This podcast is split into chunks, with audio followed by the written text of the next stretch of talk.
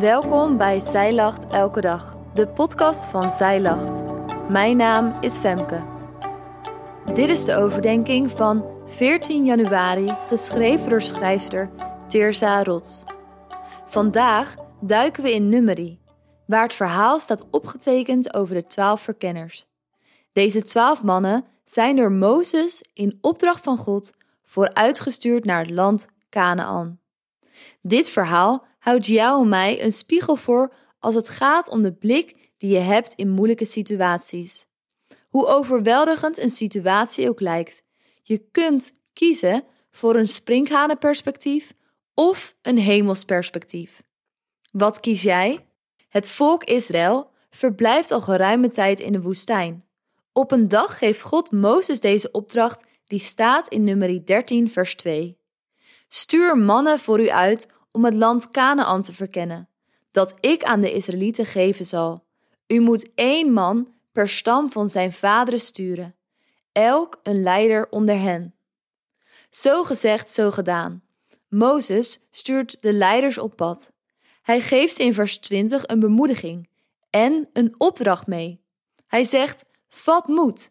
Dat spreekt hij de mannen toe. En neem wat van de vruchten van het land mee. De mannen gehoorzamen en gaan op verkenningstocht. In nummer 13, vers 23 en 25 staat: Daarna kwamen zij aan het dal Eskel en sneden daar een rank af met één tros druiven, die zij met zijn tweeën aan een draagstok moesten dragen. Daarna keerden zij terug van het verkennen van het land, na verloop van veertig dagen. Is het je opgevallen dat God een opdracht geeft tot verkenning en daarin één adem aan toevoegt dat Hij hen het land zal geven? Hij geeft de zekerheid van zijn belofte mee.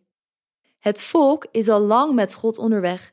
Je zou verwachten dat ze zo vertrouwd met Hem zijn dat ze God op Zijn woord geloven. Maar helaas, voor het grootste deel van deze Israëlitische leiders gaat het niet op. Bij hun terugkomst doen ze aan het volk verslag van hun tocht. Ze torsen de enorme druiventrots mee en tonen deze aan het volk. Ze vertellen in nummer 13, vers 27: Wij zijn in het land gekomen waarheen u ons gestuurd hebt. En werkelijk, het vloeit over van melk en honing. En dit is zijn vrucht. Dat klinkt positief, zou je denken. Maar dan worden alle mitsen en maren naar voren gebracht. Er volgt een opsomming van alle vijandelijke volken die hier wonen en ook de afstammelingen van reuzen komen ter sprake. In vers 31 zeggen tien van de verkenners zelfs: We kunnen tegen dit volk niet optrekken, want het is sterker dan wij. Twaalf mannen vertrokken gezamenlijk naar het beloofde land. Elk van hen heeft het land met eigen ogen gezien, maar niet alle mannen hebben bij terugkomst hetzelfde perspectief. Twee van de mannen, Jozua en Caleb, roep het volk op om vrijmoedig op te trekken. Zij vertrouwen erop dat het volk het land in bezit zal nemen. In vers 30 zeggen zij zelfs: Wij zullen het zeker overmeesteren. Maar dan doen de andere tien mannen er nog een schepje bovenop. Dit staat in nummer 13, vers 31 en 32. Het land waar wij doorgetrokken zijn om het te verkennen, is een land dat zijn inwoners verslindt. En heel het volk dat wij in het midden daarvan gezien hebben, bestaat uit mannen van grote lengte. Wij hebben ook reuzen gezien. Wij waren in onze eigen ogen als sprinkhanen, en zo waren wij ook in hun ogen. Misschien begint je nu iets te dagen bij de titel van deze overdenking. Ze zeggen namelijk: wij waren in onze eigen ogen als sprinkhanen. Besef je wat voor impact deze woorden hebben op het volk? Het zijn tien van hun leiders die deze woorden overbrengen. Het volk doet het bij deze woorden in een broek van angst. En een reactie? Ze willen een andere leider aanstellen dan Mozes en gezamenlijk terugvluchten naar Egypte.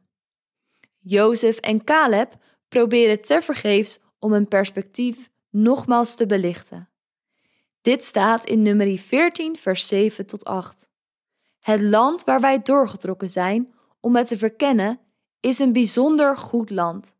Als de Heere ons genegen is, zal Hij ons in dat land brengen en zal het ons gegeven worden.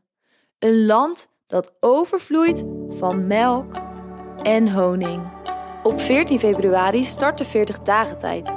In dit leesplan, Feest van Bevrijding, volg je de Israëlieten in hun reis door de woestijn van slavernij naar vrijheid. En je ontdekt samen met de eerste volgelingen van Jezus over het leven in Gods koninkrijk. Wil jij meer toeleven naar Pasen? Bestel dan dit 40 dagen tijd leesplan via onze webshop. Dankjewel dat jij hebt geluisterd naar de overdenking van vandaag. Wil je de overdenking nalezen? Check dan onze website. Je vindt er ook meer toffe dingen die jou helpen om de Bijbel vaker te openen, zoals boeken, Bijbels, cursussen en evenementen. Morgen ben ik weer bij je terug met een nieuwe overdenking. Tot dan!